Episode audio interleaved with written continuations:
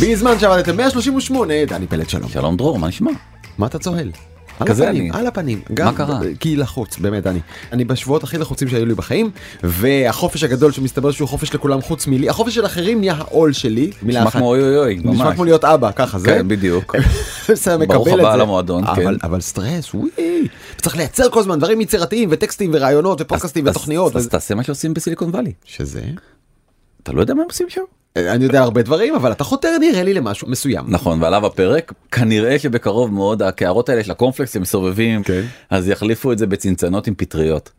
פתאום כן, לא- קסם. לא מדובר כן על אה. אה, פורטובלו או שמפיניון. אלא הסמים ואנחנו הולכים לדבר בעצם על סצנת הסמים בסיליקון וואלי וגם בניו יורק שהיא איכשהו מחוברת להייטק. מאוד מחוברת. להייטק ונגיד למה דווקא עכשיו איך תמיד סם אלטמן מתחבר לכל סיפור לא משנה מה לא היית מאמין כן. שסם אלטמן התחבר לסיפור על אה, סמים לא הוא נראה כזה סאחי. מתחבר גם מתחבר חבל לך על הזמן כמה שהוא מתחבר עכשיו תשמע צריך להגיד את האמת אנחנו כאן מחייכים כהרגלנו כי זה הדיבור שלנו אבל סמים הם חומר מסוכן הם חומר אסור הם חומר שאמור לגרום לנזק אנחנו עושים כאן אזהרה ברורה ובולטת אנחנו לא מעודדים צריכת סמים ואני לא אומר את זה מהשפה לחוץ אלא בכל הרצינות אנחנו לא מעודדים צריכת סמים זו עבירה על החוק והיא מסוכנת לגוף שלכם ולנפש שלכם חד משמעית.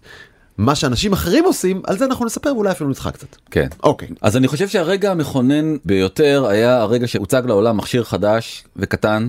תראה כמה הוא קטן דרך אגב היה בגרסה אני הראשונה. מתגעגע זה- לגודל הזה. האייפון הראשון ב-2007. בחמישי באוקטובר 2011 סטיב ג'ובס נפטר בחמישי באוקטובר בשישי באוקטובר הטיים מגזין המגזין המאוד מאוד נחשב יצא עם כותרת סטיב ג'ובס היה לו LSD אנחנו קיבלנו את האייפון. כן, באנגלית איכשהו תמיד זה עובד יותר טוב. כן. סטיב ג'ובס had LSD, we have the iPhone. כלומר, הם סיכמו את מפעל חייו בהאיש שהפך סמים לחדשנות טכנולוגית. נכון והם התבססו פשוט על ציטוט מאוד מפורסם של אה, סטיב ג'ובס ממש כמה שנים לפני שהוא נפטר. אמר ככה, נטילת LSD הייתה חוויה עמוקה, אחד הדברים החשובים בחיי. LSD מראה לך שיש צד נוסף למטבע. ואתה לא יכול לזכור אותו כשהוא מתפוגג, הסם, אבל אתה יודע את זה. זה חיזק את התחושה שלי לגבי מה שחשוב. ליצור דברים גדולים במקום להרוויח כסף, להחזיר דברים לזרם ההיסטוריה ולתודעה האנושית ככל שיכולתי. כך אמר סטיב ג'ובס. נכון. כלומר, אתה אומר, יש כאן מימד שעליו אנחנו יכולים לדבר של נטילת סם. שהוא מעבר לסתם ליהנות או להתמסטל או לברוח מדברים, הוא הרגיש שהוא ממש פותח לו איזשהו אופק חדש של יצירה ותרומה, בקיצור חיובי. עכשיו תראה את הכתבה משנת 2015 מהביזנס אינסיידר עיתון מאוד מאוד אה, מכובד ורציני וחשוב. כאילו הם לא מסוג כלי התקשורת שיחגגו ברבע קריצה על זה שמישהו עבר על החוק וואי איזה מגניב הוא זה לא הדיבור שלהם והם אומרים how Steve Jobs acid fueled quest for enlightenment made him the greatest product visionary in history כלומר איך המשאלה מתודלקת בסם להערה הפכה את ג'ובס לאחד מהמוצר לא לאחד לגדול. לגדול נביאי המוצרים או חוזי המוצרים בהיסטוריה. כלומר הם גם הם מותחים קו ישיר בין בזכות הסם נולדה חדשנות מוצרית. הכי גדולה בהיסטוריה. כן. אתה יודע דרך אגב בציטוט אחר הוא אמר שזה הדבר השני הכי גדול שהוא עשה בחיים סטיב ג'ובס. ה-LSD. חשבתי האייפון השני. לא, הוא אמר הדבר השני הכי חשוב שהוא עשה בחיים. ואף אחד לא שאל אותו מה הדבר הראשון ואתה יודע כן. והוא מת. חושב, מה זה היה? מה זה היה? מה זה יכול להיות? איזה חוויה ראשונה הייתה כאילו שהפילה על ה... אם היו שואלים אותי זה כמובן הילדות שלי כן להפוך לאבא אבל איכשהו אנחנו מצפים מסטיב ג'ובס למשהו יותר מקורי. מוזר נכון היית על זה אבל אף אחד לא יודע מה הדבר הראשון.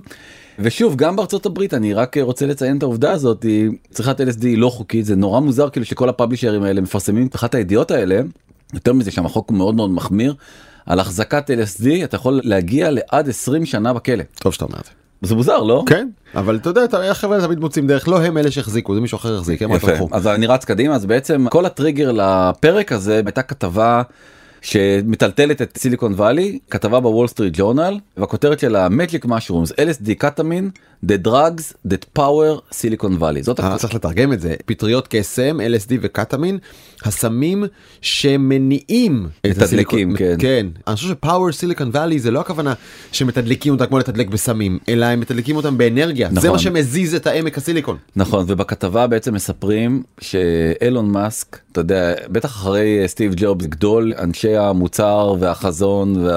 אה, אני חושב שאתה הולך להגיד גדול המטורללים או גדול המתודלקים או גדול הנוטלי סמים. נראה לי שהכל נכון.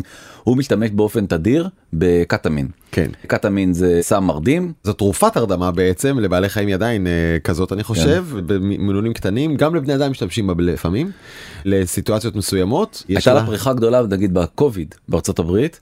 כי אנשים בעצם התמודדו עם חרדה עצומה מכל ההסתגרות הזאת בבתים ולקחו קטמין וזה בעצם הרגיע אותם וזה גם מה שהוא אומר. זה מאוד מרגיע אותו אבל הוא דווח נגיד שבמסיבות הוא לוקח כמויות גדולות מאוד של קטמין. שתדע שיש לזה מלא מלא שמות? Special K Vitamin K Kit Kat טושיבה בומבה תושיבה בומבה. זה כינוי וגם קט ווליום ויש בעברית ככה אני מקריא בוויקיפדיה אני לא מבין מזה כלום סוסים כן כי זה תרופת הרדמה לסוסים. במפים בומבה מפתחות דיו דיו קיי הודי קיי גרמני קיי הולנדי ירי לטווח קצר. כל אלה הם כינויים לקטמין. וואלה. בעגה הישראלית כנראה. אוקיי. אמ, ומה שעושה אם הוא לא מרדים אתה אמור לקחת בכמות נמוכה יותר ואז הוא עושה תופעות הזייתיות עד כדי דיסאסוציאטיביות כלומר אתה מנותק ממש מעצמך ומהסביבה וכולי וחלק מהמשתמשים לא יזכרו מה שעבר עליהם כמו שאנחנו שוכחים חלומות אבל גם אם ההזיה שלך נגמרת אחרי שעה הפגיעה בחשיבה השקולה ובקואורדינציה נמשכת עוד 18 עד 24 שעות. כן. ואני אומר הנה חלון הזמן שבו אילון מאסק מצייץ 90% מהציוצים הבעייתיים שלו זה פה הוא כבר לא בהזיות אבל הוא עדיין לא אני בטוח שזה חלק נכון? מהעניין אין לי ספק לא יכול להיות אחרת. סרגי ברין אתה יודע מייסד של גוגל גם כן משתמש באופן קבוע בפטריות הזיה ומספר על זה בצורה מאוד גלויה ופתוחה. עוד פעם זה סמים אסורים כן. אתה יודע האנשים הכי חזקים בסיליקון וואלי הכי חזקים ה founder של גוגל לשעבר ואילון מאסק זה מה שהם אומרים. עכשיו קבל את הסיפור השלישי Founders Fund הקרן של פיטר טיל עוד דמות אה, פסיכוטית אה, חבל על הזמן בלי סמים. עושה מסיבות מאוד מאוד גדולות ומאוד מפורסמות בסיליקון וואלי הם נותנים שם במיקרו דוזינג אה, כל מיני סמים וחומרים אה, פסיכואקטיביים אחרים. כמויות אה, קטנטנות קטנטנות וצריך להגיד גם ברמה האישית ההחלטה הזאת היא עלולה לסכן את הגוף עלולה לסכן את הנפש עלולה לסכן את היציבות שלך עלולה לסכן הרבה דברים ובעיקר מול אנשים חזקים אז נולדת כאן שאלה מעניינת החיבור בין אנשים חזקים יצירתיים או שואפים ליצירתיות וסמים וכאן יש כמה פתרונות מעניינים או כמה הצעות מעניינות נכון לקשר בין הדברים האלה. בדיוק אז למט לוין שגם כן אנחנו כל פעם ממליצים פה לאנשים לעקוב אחריהם. הוא כאילו במאסט הכתב הכלכלי טק נגיד אה, של אה, בלומברג כותב טורי דעה מאוד מעניינים ויש לו תיאוריה אדירה אני אתן לך להקריא אותה. אז התיאוריה אומרת ככה רוב התשואות בהון סיכון מגיעות מביצוע השקעות בשלבים מוקדמים בחברות שהולכות ומשנות את העולם בדרכים קיצוניות וצפויות. הסכמנו? זה לא... אני ממש מסכים כן, כן. הרבה חברות עושות את זה גם באופן יותר צפוי מאשר כזה משוגע אבל יש כן, גם אבל הפריצות דרך ההצלחות האמיתיות- האמיתיות זה כן. בלא צפוי סבבה לכן אומר מת לוין אם אתה משקיע הון סיכון עליך לבצע השקעות מסוכנות ביזמים בעלי חזון עם רעיונות פרועים רבים לא יצליחו חלק יתבררו כהונאה אבל אחד או שניים המשוגעים האלה יצליחו והדרך להצלחה היא רק חברה אחת או שתיים רדיקליות שמשנות את העולם. רק אני אסביר את הנקודה הזאת הוא אומר בעצם כשאתה מסתכל על פורטפוליו גם אני בתור משקיע יש לי פורטפוליו של חברות אני צריך שחברה אחת או שתיים מתוך כל הפורטפוליו האלה בעצם יהיו איזה מין moonshot כזה כמו שקוראים לזה בעגה כן, שלנו מה- יגיעו לירח. ואז אתה מחזיר את כל הקרן באיזשהו מכפיל מאוד מאוד רציני. אתה צריך אבל עדיין שזה יהיה כזאת הצלחה מסחררת. כדי שבאמת הדבר הזה יקרה. אני רק חולק על הטענה שזה כל אחד מאלה צריך לשנות את העולם הרבה מאוד חברות שהצליחו לא שינו אותם פשוט עשו משהו טיפה יותר יעיל טיפה יותר מוצלח. אז הם טיפה יותר הצליחו זה בדיוק העניין כדי להגיע באמת לחברה כמו טסלה אוקיי. אתה מבין אבל- או להגיע לחברה כמו ספייסיקס אבל זה לא רוב ההצלחות. או להגיע רוב ההצלחות הן כמו- צנועות יותר. נכון אבל בסוף המשקיעי הון סיכון זה- לזה אתה הם מסתכל. לא רוצים איזשהו שיפור של אה, 10-20 אחוזים כי אז שיפור של 10-20 אחוזים המשקיעים המוסדיים כספי הפנסיה ילכו לבורסה. כן. וישקיעו בחברות שמשפרות כל שנה ב-10-20 אחוזים. אתה רוצה משהו מטורף המשהו המטורף הזה הוא גם הרבה יותר מסוכן וקשה לעיכול נפשית. הון סיכון. הון סיכון. ולכן אומר מת לוין אם אתה יזם טכנולוגיה אתה צריך לנסות להיראות כבעל חזון ענק ופרוע כי משקיע הון סיכון מחפש אותך וייתן לך כסף. וכדי לעשות את זה אם אתה יזם אתה צריך לקחת תרופות הזיה. כדי אחד להיות מסוגל לדמיין בכלל עתיד בלתי סביר לדמיין עתיד שאחרים לא מדמיינים אותו ושתיים דני אתה קורא? להיות די מוזר כדי להסכים לדבר עם משקיע הון סיכון כמוך. נכון רגע אני מדבר איתך כל שבוע יש נכון. מצב שאני אבל אתה כבר יודע שאני מוזר לא כן יש מצב שאני אבל לוקח משהו בשביל להתגבר על זה. כן, אם תשאלו את דרור אז הוא יגיד לכם שבאמת אני המוזר שבמוזרים. וחמש אם היזם לוקח משהו כדי לדמיין עתיד לא סביר ולדבר עם משקיעים אז אומר מת לוין אם אתה משקיע הון סיכון גם לך כדאי לקחת סמי הזיה כדי לשדר על אותו הגל של יזמים ובעלי החזון וזה מה שדני כאן עושה כל שבוע נכון. נכון לפני ברור. השידור אחרי השידור בבוקר בערב כל הזמן על סמים. זה קפה אתה יודע קפה. זה, כן זה הסם שלי האהוב עליי אה, אבל באמת סמים זה לא דבר חדש בוא ניתן הסבר קצר איך סמים פועלים. כן. כל הסמים פועלים אחרת אבל הדבר שמשותף כמעט לכולם הוא הדבר הבא יש בהם מנגנון שגורם לרשתות הנוירונים בתוך המוח שלנו שממילא שולחות אותות אחת לשנייה באופן סדיר הן גורמות להם לשחרר נוירוטרנסמיטורים לתוך הרווח שבין התאים שהם קולטנים של דופמין והדופמין הזה מציף לנו את המוח כשאנחנו נוטלים סמים. והנה עכשיו אנחנו רואים דוגמה השרטוט באמצע זה מה קורה כששחרור הדופמין בעת אכילת אוכל למשל אז יש סם דופ... קצת דופמין נכון. שזה עושה לנו נעים ותחושה נעימה בגוף כשאנחנו אוכלים סמים הרווחים בין התאים בין הנוירונים במוח מתמלאים בקולטנים של דופמין שמעבירים דופמין הלוך ושוב וזה עושה לנו נורא נורא נורא נעים וזה גם ממכר אבל באותו רגע זה עושה מאוד מאוד נעים זה משותף להרבה מאוד סמים. אז מחלקים את הסמים לארבע קטגוריות עיקריות. אמרנו כבר שאנחנו לא ממליצים על שום דבר מהדברים האלה לא, מספרים רק סיפור. מסבירים איך זה עובד. בדיוק אז יש סמים מדכאים שזה חומרים שמדכאים את אה, פעילות המוח. שביניהם אה, אלכוהול, סמי שינה ותרופות הרגעה, יש סמי הזיה, חומרים שמשפיעים על תפיסת המציאות ומעוררים הזיות, ביניהם LSD, קקטוסים, פטריות הזיה וגם חשיש ומריחואנה למרות שהם מבחינת החוק קצת בקטגוריה שונה. סמים מעוררים שממריצים את פעילות המוח, קוקאין, קרק, אקסטזי וגם קפאין וניקוטין. בדיוק לקחתי שלוק זה נתקע לי פה בגרון. כן. וגם אה, דרך אגב כל עכשיו מה שקורה בארצות הברית עם התרופות זה בדיוק בקטגוריה הזאת שאנשים מתים מתרופות שבעצם נרשמות להם על ידי חברות הביטוח האמריקאיות. כן. ומשככי כאבים שהם סמים אה, נרקוטיים אה, ביניהם אופיום הרואין וחומרים אה, נרקוטיים סינתטיים כגון אדולן. אז אלה ארבע קטגוריות ואז אני רוצה לשאול אותך שאלה. מה לדעתך יותר מסוכן? בירה או קוקאין? תראה אני אשחק לידיים שלך עכשיו בסדר. במודע אבל בכיף אחד מהם אני צורך על בסיס די קבוע ובשני לא נוגע. אתה מסוכן או אתה לא? מה אתה חושב? שיפה מאוד. אני מודה שאני הולך על הקונבנציונלי או על המוכר והמותר חברתית ותרבותית. כן. כלומר אני שותה אלכוהול בהחלט אבל לא נוגע באבקות. אז בוא תספר קצת למאזינים ולצופים מה בעצם המחקר הזה שפורסם באקונומיסט אה, אומר. המחקר אומר בשורה התחתונה שסטטיסטית אני עושה טעות ועדיף לי להחליף נכון. את ההרגלי שימוש שלי. מדעית אני טועה. משום שאלכוהול הוא הסם בי פאר הכי מסוכן לעצמך לנוטל ולסביבה. לנוטל זה הסם הרביעי הכי מסוכן.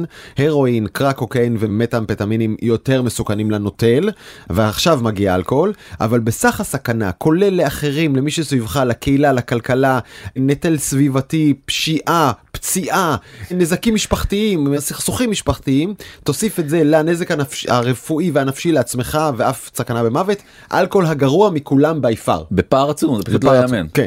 מקום שני הרואין ואז קרק קוקאין ואז מטאמפטמינים ואז קוקאין רק מגיע שהוא שוב אנחנו בנתונים לא בדעה אה, הוא נמוך יותר קוקאין מאלכוהול בכל. פחות נזק לעצמך, פחות לסביבה, פחות uh, לאחרים, פחות למשפחה, פחות פחות פחות. אה, ואז מגיע טבק, ואני ממשיך למטה ברשימה, מגיע לקנאביס ולקטמין עוד יותר למטה ועוד יותר למטה אקסטזי ו-LSD ולמטה הכי משרום, ששם יש סכנה יחסית קטנה לעצמך. וזהו. כן. מה זה קטנה? אני חושד שהקטנה זה אומר מספרים, פחות אנשים נפגעים. שוב, הפגיעה, יכול להיות שזה בפחות אנשים, אבל מי שנפגע, הרבה יותר חזק. העניין הוא שבפטריות כמו שגם היה פעם לפני שהסדירו את כל העניין האמנות במריחואנה ואתה יודע קצת לקחו על זה בעלות והם התחילו לחלק את זה כסם רפואי. אתה לא יודע מה אתה לוקח. זה חלק מהעניין. בסמים סינתטיים אתה לוקח אופטלגין אתה יודע בדיוק מה קפסולה אחת תעשה לך. אף אחד לא לוקח עשרה אופטלגינים במכה נכון? מבינים שזה סכנת נפשות. פטריה אתה לא יודע איזה impact כמה חומר אקטיבי יש בתוכה. זה הסכנה הגדולה. כן. חומרים ברמה מאוד מאוד נמוכה כאילו מיליון בעיות. אה, ותוסיף לזה שפטריות לא נבדקו מדעית כי יש לפעמים אנשים עם מנגנונים פנימיים אצלם במוח בין אם נוירולוגים או נפשיים שמגיבים לאיזה חומר ושולחים אותך להיות דולפין עכשיו לחצי שנה ועל אופטלגין כן בדקו את זה מדעית בשביל להגיע לחומר שלא מייצר נזקים נכון, כאלה אז- ואם יש אז כתוב בעלון. וזה בדיוק הנקודה שאליה אנחנו רוצים להגיע בעצם כל הפרק הזה על תופעה לא חדשה היא תופעה שכבר כמה שנים כן. שקוראים לה microdosing. מה זה microdosing זה מינון נמוך של כל מיני אה, סמים פסיכואקטיביים. ממש ממש נמוך ומי שלוקח את המינון הממש נמוך הזה מקווה להרגיש חלק מההשפעות של החומר הפסיכדלי אבל בלי הזיות ובלי אשליות ובלי תסמינים משתקים אבל כן נגיד לראות את העולם אחרת להיפתח לחוויות להיות יצירתי יותר דברים כאלה. ושוב פעם אני מצטט מתוך ה Insider יזמים מספרים שהשימוש הזה ב microdosing גורם להם לחשוב ולתפוס רעיונות עסקיים חדשים שהם לא יכלו לעשות לפני זה וזה ממש.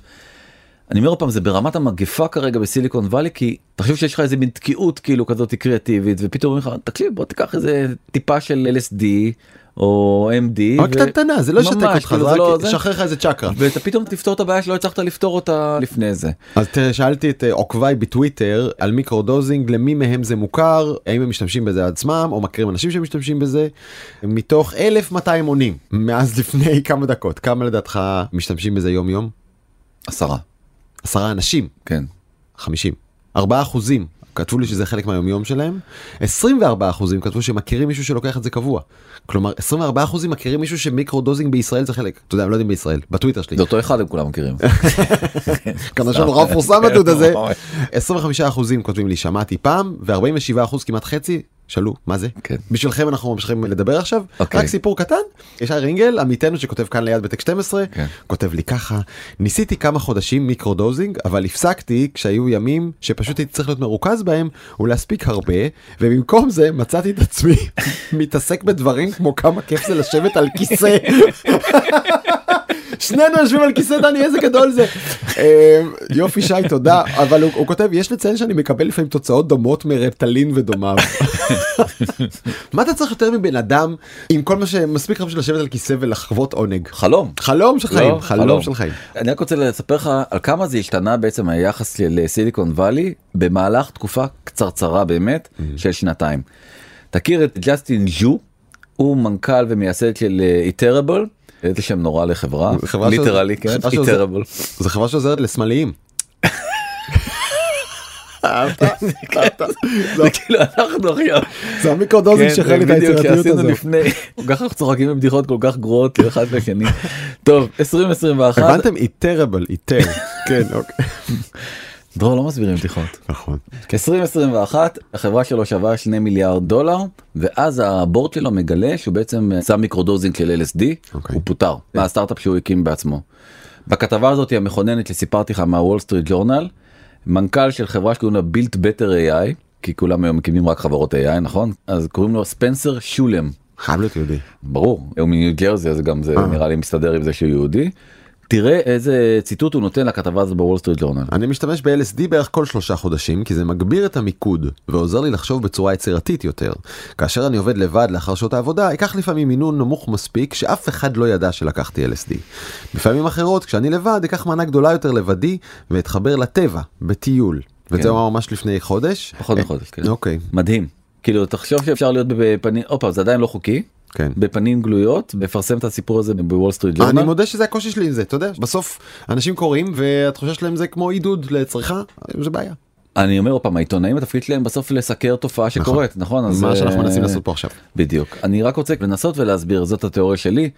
למה דווקא בהייטק השימוש בסמים כאלה ובכל מיני טכניקות כאלה כמו מיקרו דוזינג שזה ממש המצאה של ההייטק זה כל כך נפוץ גם המספרים בישראל מהסקר שלך זה משוגע כן. אם זה באמת נכון אני מחבריי ומכריי קיבלתי מספרים הרבה יותר נמוכים. אבל אני אומר יכול מאוד להיות אתה יודע שזה הרי בסוף עניין של מעגלים בדיוק, זה- וגם שכבת. גיל ועוד הרבה מאוד דברים אחרים. ומחקר ממש מאפריל האחרון שאוניברסיטת רייכמן הייתה מעורבת בהכנה שלו אומרת את מה שכולנו יודעים ובעצם מייסדים בחברות סטארט-אפ סובלים מבעיות נפשיות משוגעות. 72 אחוז שלושה מכל ארבעה פאונדרים תחשוב את המספר באמת זה מספר שהוא צריך כאילו שנייה לעכל אותו. שלושה מתוך ארבעה מייסדים של חברות הייטק סובלים מבעיות נפשיות. כן. למה זה קורה? זה אתה- מתפרק לסטרס גבוה שזה הכי פופולרי 44 אחוזים חרדה 37 אחוזים שחיקה עד כדי שריפה עצמית 36 אחוזים 13 אחוזים דיכאון ו10 אחוזים התקפי חרדה. שמע. זה נשמע הגיוני כמות הסטרס שאנחנו מכירים שצריכים לעמוד בהם והתלות בתנאי שוק משתנים וטכנולוגיה דוהרת וקפריזות של דור ה-Z או מה שאתה שוכר עכשיו לעבודה והמשקיעים המטורללים שלך. מלחיץ? למה אתה מסתכל עליי שאתה משקיעים מטורללים? אתה בטח מכיר כאלה כמובן. ארגון הבריאות העולמי אומר שלעבוד מעל 55 שעות בשבוע זה פוגע בבריאות. זאת אומרת הם עשו מחקר עצום ב-194 מדינות. אין לי ספק שאני עובד יותר מזה. א' אנחנו בישראל אנחנו בפסיכוזה מתמדת דיברנו על זה גם קודם במפרט כאילו מה זה 55 שעות? לא... 11 שעות ביום? מה, משמונה עד שבע בערב? פי! יום קצר. זה עדיין הרבה בוא בוא נהיה שנייה הגונים. אבל בישראל אני חושב שהממוצע בקלות הוא בטח בעולם ההייטק הוא מעל 10 שעות. קל, כאילו אין פה. בכלל אה, שאלה. מי לא חוזר למחשב בתשע וחצי בערב אחרי השכבות? ברור. נכון אז גארי ויינרצ'וק שאני כזה גורו כזה שאני לא כל כך סובל אותו האמת כן, היא. הוא נורא שחצן שחצן. ומלא בעצמו. הוא כזה מוביל דעה ומה שהוא אומר יש לזה הרבה מאוד אימפקט הוא אומר תקשיבו יזמים בשנה הראשונה של הסטארט-אפ שלהם חייבים לעבוד 18 שעות ביום. זאת אומרת 18 שעות ביום אני הכפלתי בחמישה ימים אתה יודע יכול להיות שהוא חושב שצריך לעבוד שישה ימים בשבוע. זה יוצא 90 שעות בשבוע עכשיו 18 שעות ביום זה אומר שנשאר לך מהרגע שאתה קם עד הרגע שאתה כאילו הולך לישון 6 שעות נכון? מטכ"לי. שש שעות מטכ"לי. מה שפעם קראנו לזה. כאילו ואם אתה צריך להגיע לעבודה ואם אתה עוד צריך לא יודע לצחצח שיניים להתארגן כאילו לא אתה כמו לא שמירת מעל זה יורד לך מהשש שעות שינה וואי, שלך. זה פשוט נורא זה נראה לי קצת אה, קיצוני אבל זאת האמונה שלו עכשיו נהיה מין אה, אתוס כזה בסיליקון וואלי שככה צריך לעבוד. עכשיו שינה זה אחד הדברים שהכי הכי הכי הכי שורפים דיברנו שם על הברנאוט ועל החרדות שמתפתחות כי אתה כל הזמן בטורים כל כך גבוהים זה מאוד מאוד מקשה על הסיפור הזה. דרך אגב סיפור אישי אבא שלי ושותפו פרופסור פרץ לביא הם הכניסו את השש שעות שינה מטכ"לי לצבא מה אתה סך? באמת. כן. וואלה פרץ לוי שהיה נשיא הטכניון אם אני לא טועה. נכון? כן. אז טוב יאללה קדימה אז בוא נדבר מה אומר אילון מאסק. זה מצחיק אותו 18 שעות ביום אתה יודע זה שהוא היה היזם הכי גדול והוא הדוגמה לשאיפה לפסגה של האולימפוס הוא אומר היו זמנים שעבדתי לא ספרתי בדיוק הייתי ישן כמה שעות עובד ישן עובד ככה שבעה ימים בשבוע בחלק מהימים האלה היו בטח 120 שעות בשבוע. 120 שעות בשבוע. יש בכלל 120 שעות בשבוע? ייתן לך 7 24 כפול 7. כן. זה מטורף לא 120 שעות בשבוע עוד פעם הוא עשה את זה על שבעה ימים והוא אומר אבל אתה יכול להשתגע אם אתה עובד 120 שעות בשבוע בימים אלה אני כבר שפוי הכל טוב אני עובד 80-90 שעות בשבוע. זאת אומרת ה-18 שעות האלה של גרי ויינרצ'וק זה מה שהוא עובד. איך אני שמח שאני לא נגיד הילד שלו? לא הייתי רוצה שהוא אבא שלי. חד משמעית. ולהיות עובד שלא היית רוצה להיות? או עוד פחות. אז עכשיו בוא תסתכל קצת נתונים יותר רוחביים בארצות הברית. 20 אחוז כמעט עובדים מעל 60 שעות בשבוע. 20 אחוז מהעובדים. 50 אחוז עובדים מעל 50 שעות בשבוע. זאת אומרת עוברים את הממוצע הזה והשאר אה, פחות מבין היזמים. כלומר, קהילת היזמים בכל מקום בעולם אני אומר פעם בישראל זה אולי קיצוני אבל אה, עובדים הרבה הרבה הרבה יותר מדי אה, כן, שעות. אבל אני מודה שאני כבר בגיל שאני מתעניין בחלק התחתון של הטבלה וכאן ראינו ש52 אחוזים עובדים פחות מ-50 שעות שזה ניתן לניהול. כן, work-life אוקיי, balance. ואפ- כן, אפילו 20 אחוזים עובדים פחות מ-40 שעות. אגב, אם יזם שהשקעת בו מודיע לך שהוא עובד עד 40 שעות בשבוע, אתה לא מודיע לו לך הביתה? הוא לא יגיד לי כזה דבר, כן. וזה ילחיץ אותי מאוד, כי באמת האתגרים הם עצומים, עצומים, עצומים. זה לא קורה סתם כי... ובלתי ניתנים לחלוקה עם עוד אנשים? אין, אני אפשר לעשות שהייתי את זה שהייתי שפוי? מנכ"ל של חברה, זה פשוט היה נראה לי שהמשימות רק נערמות ונערמות ונערמות, זה חלק מהתסכול. כן. כל הזמן יש לך עוד דברים שאתה צריך לעשות אותם, וכל הזמן אתה נתקל בבעיות חדשות. אתה ממש רץ כמו אוגר על המעגל הזה ולא יכול לרדת ממנו. speaking of ריצה, דווקא זה אחד הפתרונות אנחנו רואים הרבה יותר מנכ"לים ואנשי הייטק מוצאים מפלט בספורט. כולם מסתובבים להם עם שעוני גרמין, גם. סחבק שזה ממש הפך לסמל סטטוס אבל זה דווקא סימן לבריאות נפש ולא לזה והתחיל טרנד מטורף של מיינדפולנס ושל יוגה וכל מיני סיבות כאלה שעוזרות לנו להרגיע. אפשר להסכים שאלה נתיבים אולי מועדפים קצת על. פני סמים? ברור. אוקיי. אבל בארצות הברית ובסיליקון וואלי במיוחד יש סצנה מחתרתית שנקראת הלייפסטייל. אוקיי. הלייפסטייל הזה אולי אחד הגיבורים הטראגיים הגדולים שלה זה בובי לי שנרצח לפני חודש וחצי חודשיים בסן פרנסיסקו ואז כולם אמרו כולל אילון מאסק. שהעיר נהייתה לא בטוחה הוא גם משקיע וגם יזם בעצמו מאוד מאוד מאוד מאוד מוכשר.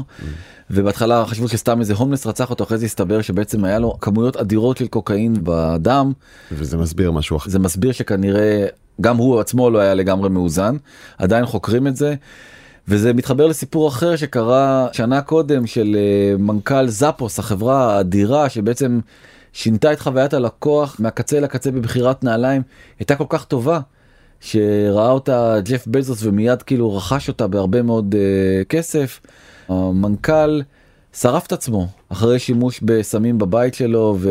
שרף את עצמו לא פיזית. בעבודה אלא באש. באש, הדליק את זה איש שיש לו מוטו. פילוסופיית חיים והוא אמר אושר נשען על ארבעה דברים שליטה בחיים תהליך קבוע של התקדמות חיבוריות שזה מספר מערכות היחסים שלך ועומקן וחזון או משמעות כלומר להיות חלק ממשהו גדול יותר מעצמך שבסך הכל אה, זה גם יפה וגם אה, מאוד לא מקורי הטקסט הזה אבל בסדר נראה כאילו היה ניסה להתחבר למשהו עם משמעות הבחורצ'יק כן. שרף את עצמו אחרי צריכת אה, סם מופרזת. נכון מסתבר גם עכשיו בגלל כל הסיפור הזה של בובי לי אז מתחילות להגיע הרבה מאוד עדויות וגם מנהלים בפייסבוק אומרים שגם בפייסבוק עצמה מאפשרים בזמן העבודה לעשות מיקרו דוזינג כלומר ביחס לשני הסיפורים הקודמים שסיפרנו לכם על אנשים שפוטרו ברגע שהתגלה שהם מאפשרים סמים בחברות אחרות או אולי בתקופה האחרונה יש משהו בין העלמת עין לקריצה לסלחנות העלמת לקבלה. עין קוראים לזה blind eye זה, ממש. זה לא עידוד זה לא שהבוס שלך אומר אתה עייף בוא בוא יש לי פה משהו בשבילך זה לא ככה. לא, הבוסים יודעים שאתה עושה מיקרו דוזינג ועדיין אה, לא אכפת להם אה, בכלל מהדבר הזה. ואני רוצה שנייה דווקא לדבר כן על הצדדים החיוביים. אז דיברנו קודם על פיטר ת'יל. אז פיטר ת'יל הוא אחד המטיפים הגדולים ללמה מיקרו דוזינג זה כן כיוון נכון? אה, מה שאתה מסכים איתו נראה לי לא? אני מסכים מאוד עם הגישה כי נראית לי בריאה שקולה ומדעית. מחקרים מראים אומר פיטר ת'יל שתרופות פסיכדליות יכולות לספק יתרונות משמעותיים לבריאות הנפש ואנחנו תומכים במאמצים של המגזר הציבורי והפרטי להפוך את התרופות הללו לזמינות בצורה בטוחה וחוקית. כלומר הוא מתנה את זה הוא נתלה במחקרים ובאופן אה, בטוח. בקיצור אנחנו מכירים מחקרים שאכן מראים יש למשל גם בישראל בודקים את השימוש בתרופות פסיכדליות לטיפול בהלם קרב והן משיגות תוצאות מאוד מאוד יפות כך שגם מדעית וגם חוקית הסיפור הזה מתקדם. נכון אז הוא באמת השקיע בחברה גרמנית מברלין שקוראים לה עתאי וגם לקח אותה להנפקה בשיא תקופת הבועה ב-2021 הייתה הנפקה מטורפת. מאז החברה ירדה רק ב-90 אחוזים אבל אה, אוקיי אז אמרו שזה לא עובד הסיפור הזה? לא, זה, בתחילת הדרך אתה יודע בסוף היה הייפ גדול ועכשיו קצת ההייפ הזה טיפה אה, הצטנן ספציפית לגבי החברה הזאתי כן. אבל הבטחתי לך לספר לך על סאם אלטמן סאם אלטמן חוץ מזה שהוא מנכ"ל OpenAI קוראים לו סם אלטמן. גדול גדול. לא התאפקתי. גדול. זה- זה כמעט חזק כמו היתר. יו, גדול. כן. גדול אתה ידעת שהוא היושב ראש של חברה שמייצרת סמים פסיכדלים וואו במקביל במקביל אבל יושב ראש זה תפקיד ממש ממש מחייב הוא והוא חייב לבדוק את המוצרים. ברור והוא גם מאוד מאוד מאמין בכיוון הזה שוב זה חברה גם כן שמנוהלת על ידי דוקטורים ופרופסורים זה לא איזה מין משהו אה, זה קוראים לה ג'רני קולאב והחברה הזאת אומרת שאפשר לפתור וזה מה שסם אלטמן מאוד מתחבר אליו. כל מיני התמכרויות לאלכוהול ולסמים אה, כמו קרק וכל מיני כאלה דברים באמצעות סמים אחרים. אני שומע כאן אתה מכור למשהו בוא אלינו נעביר אותך מהמוצר שלהם אל המוצר שלנו תהיה מכור לדבר שאנחנו מייצרים. אני לא יודע יכול להיות שאם אם שזה לא בצורה- כן, כן, אם זה. בצורה מבוקרת כנראה שבאמת אפשר אולי אה, לפתור הרבה מאוד מהבעיות האלה. תזכור את האמירה הזאת לסם אלטמן של לעזור למכורים כי אני אחזור אליו עוד שנייה. אני רק יכול לעדכן אותך בינתיים שהסקר שלי בדבר ישראל שהוא לא מדעי ולא מייצג בשום אופן כבר עלה ושישה אחוזים מתוך 1300 ומשהו בקיצור 80 איש מבין עוקביי עושים מייקרו דוזינג באופן קבוע מדהים זה לא מעט. זה המון. חברות התרופות המסורתיות גם כן מכניסות הילוך אה, יותר גבוה ומתחילות לבדוק באמת מה אפשר לעשות מתרופות פסיכדליות. ותקשיב טוב ב-9 ביוני 2023 נפל דבר וה-FDA פעם ראשונה אישר MDMA לניסויים קליניים בארצות הברית שזה ספציפית לחקירת אה, סכיזופרניה לא משנה אה, אבל זה לתרופה כאילו שמותר להשתמש בחומר MDMA והמובילה בעולם היא לא אחרת מאוסטרליה אוסטרליה המדינה הראשונה בעולם וגם כן זה חדשה מאוד טריה בסך הכל כמה שבועות אישרה שימוש בסמים פסיכדליים כתרופה כבר למכור לצרכנים המדינה הראשונה בעולם והמהפכה הזאת ממש קורית בימים אה, אלה. יש משהו אה, טיפה יותר בריא להסתכל שוב על החומרים המסוכנים הללו ולהגיד שנייה רגע באופן קר רוח אילו תועלות רפואיות אפשר להשיג מהם ובוא נשנה את מפת האיסורים וההיתרים לפי תועלות אמיתיות ולא לפי אתה יודע אלכוהול וסיגריות מותר למה מסיבות תרבותיות וכלכליות שלא נכון. תמיד מתחברות לאיזשהו היגיון נכון ספציפי. אז הם מאשרים שם אה, MDMA ופסילוסיבין שזה החומר האקטיבי בפטריות הקסם האלה כמו שהן אה, נקראות ואני חושב שלא ירחק היום שכמו שיש מוצרי CBT כאלה שאתה יכול לקנות אה, בכל מיני מרכולים וחנויות שאולי אה, אפשר לקנות גם מברס כאלה עם MD בתוכם או עם אה, זה במינונים מאוד מאוד קטנים. זה לא נראה לי מופרך לחלוטין זה אם נראה אפשר לי להוכיח שזה לא מזיק.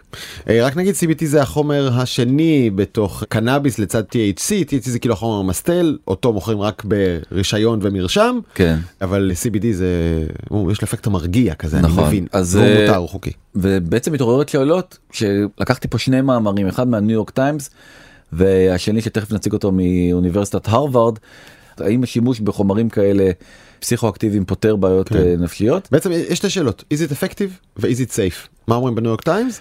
שהמדענים עדיין מפוצלים סביב השאלה האם היתרונות מחוויות של מיקרו דוזינג הם רק סתם placebo effect או משהו יותר מזה.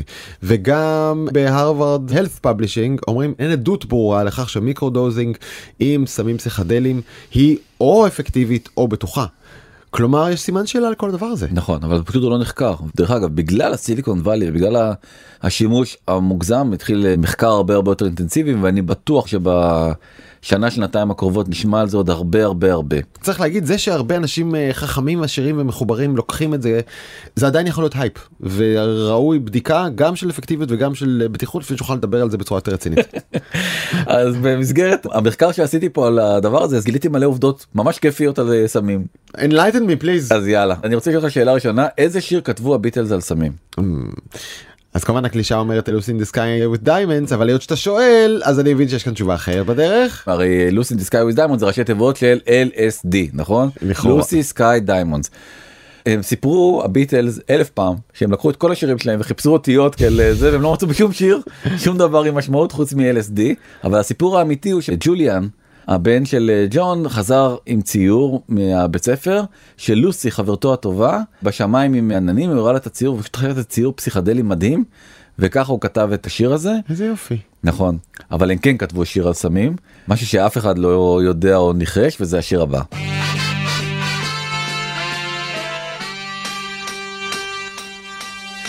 או, I was alone, I took a ride, I didn't know what I would find. עכשיו אני מקשיב לטקסט אחרת לגמרי. Another road where maybe I could see another kind of mind there.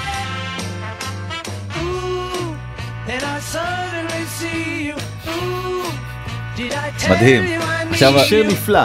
שיר אדיר. gotta get you into my life. זה נכתב ומובשר על סמים? כן זה נכתב על מריחואנה. חייב להכניס אותך לתוך החיים שלי. הם לא סיפרו את זה כמובן זה כאילו נשמע שיר אהבה הכי סטנדרטי ומי חשף אותם למריחואנה הם עשו את הטיול הזה לארה"ב ואז הם פגשו במלון הסם האהוב עליהם היה לטענתם וויסקי וקולה. בריטים ילדים כן. אתה יודע זה מה שהם אה, שתו וויסקי עם קולה. ואז הגיע לחדר אה, בוב דילן אמיתי ואז אמר להם אתם חייבים לעשות את הדבר הזה. אתה מכיר את פליקס הופמן? לא. פליקס הופמן הוא אחד הכימאים הכי חשובים בהיסטוריה. הוא המציא את התרופה הראשונה שסונתזה במעבדה בשנת 1897 קוראים לה אספירין. כן. ועד אותו יום עד האספירין כל התרופות שחולקו בעולם היו תרופות שזה היה בעצם כל מיני אה, עלים וכן הרוקח אשכרה רקח. ובעצם אספירין הייתה התרופה הראשונה. הוא חשב על עוד תרופה אחרת נוספת קראו לה הרואין. זה גם כן היה מזור לכל מיני כאלה שהיו מכורים למורפיום למשככי כאבים אז הוא אמר אני אפתור אותם עם הדבר הזה וזה גם מדכא שיעול הוא גם רקח את ההרואין. חודש אחרי שזה הם הבינו שזה פשוט גומר את האנשים הם גנזו את התרופה הזאתי. אבל ככה הומצא ההרואין על ידי אותו רוקח שהמציא את האספירין. כן. תרופה אחרת שנקראת לאודנום היא הייתה התרופה שהשתמשו בה להרדים תינוקות בלילה אתה מכיר את זה שהתינוקות לא נרדמים זה תערובת של אופיום מים ויין לא. כן. עכשיו השתמשו. בה בתקופה הוויקטוריאנית מנגיד 1830 עד 1900 עד לא מזמן. ופשוט מלא תינוקות היו מתים ולא הבינו למה. ואתה מכיר כמובן את עלי הקוקה אבל בעצם השימוש הוא גם כן לא כל כך בזמן הראשון שנתן עלי קוקה בתור אה, תרופה היה דוקטור תיאודור אשן ברנדנט. הוא רשם קוקאין לא אמרתי את זה נכון לא נורא לחיילים גרמנים כדי להפיג עייפות זה היה ב-1883 הוא היה הראשון שמע על זה לא אחר מזיגמונד פרויד והוא פרסם מאמר שהוא המאמר המכונן שבגללו כולם משתמשים היום בקוקאין ב-1884 הוא קרא לזה Über Coca וזה היה שיר על הקוקאין על התופעות המדהימות שהוא מייצר. קרא את המאמר הזה בחור שקוראים לו ג'ון פמברטון שהוא היה חייל פצוע והוא אה, גם כן התמכר למורפיום אותה בעיה וב-1886 הוא המציא תרופה כדי לפתור את בעיית ההתמכרות איך קראו לתרופה הזאתי? קוקה קולה די. בחיי. והיה בקוקה עלי קוקה ואגוז קולה אגוז קולה יש בו קפאין. וזה די מדהים שב-140 שנה הבדל גם סם אלטמן וגם פמברטון ניסו ולא משנה אחרי זה כמובן הבינו את האפקט אז הוציאו מזה זה עדיין היה משקה מאוד מאוד פופולרי וככה בעצם נוצרה קוקה קולה. אבל שניהם גם סם אלטמן עכשיו ב-2023 וגם uh, פמברטון ב-1886 הייתה להם מטרה אחת לעזור לאנשים שמכורים לסמים באמצעות תרופה לפתור את העניין הזה. אני רוצה לסיים בציטוט של ג'יי לנו שאמר יש כיום יותר אנשים שמנים מאוד בארצות הברית מאשר אנשים עם עודף משקל. אני חושב שאפשר לומר די בבטחה אחרי כל השנים האלה כדאי את כל הכישלון מוחלט. אה, אנחנו נגיד תודה לעורכת שלנו אפרת מירון, למוטי אוננה על הסיוע הטכני, לנטע ספילמן על ההפקה ולחברים שלנו במאקו דיגיטל זוהר צלח ניצן כרמלי ודנה גוטרזון. הערות תלונות מענות הצעות 0376766012 זה הוואטסאפ, בזמן את קשת מקף קום זה המייל. אנחנו גם בבזמן שעבדתם הקבוצה בפייסבוק. לא לעשות סמים זה אסור זה מסוכן. עד כאן? עד כאן. דני פלד תודה. תודה רבה. יאללה ביי.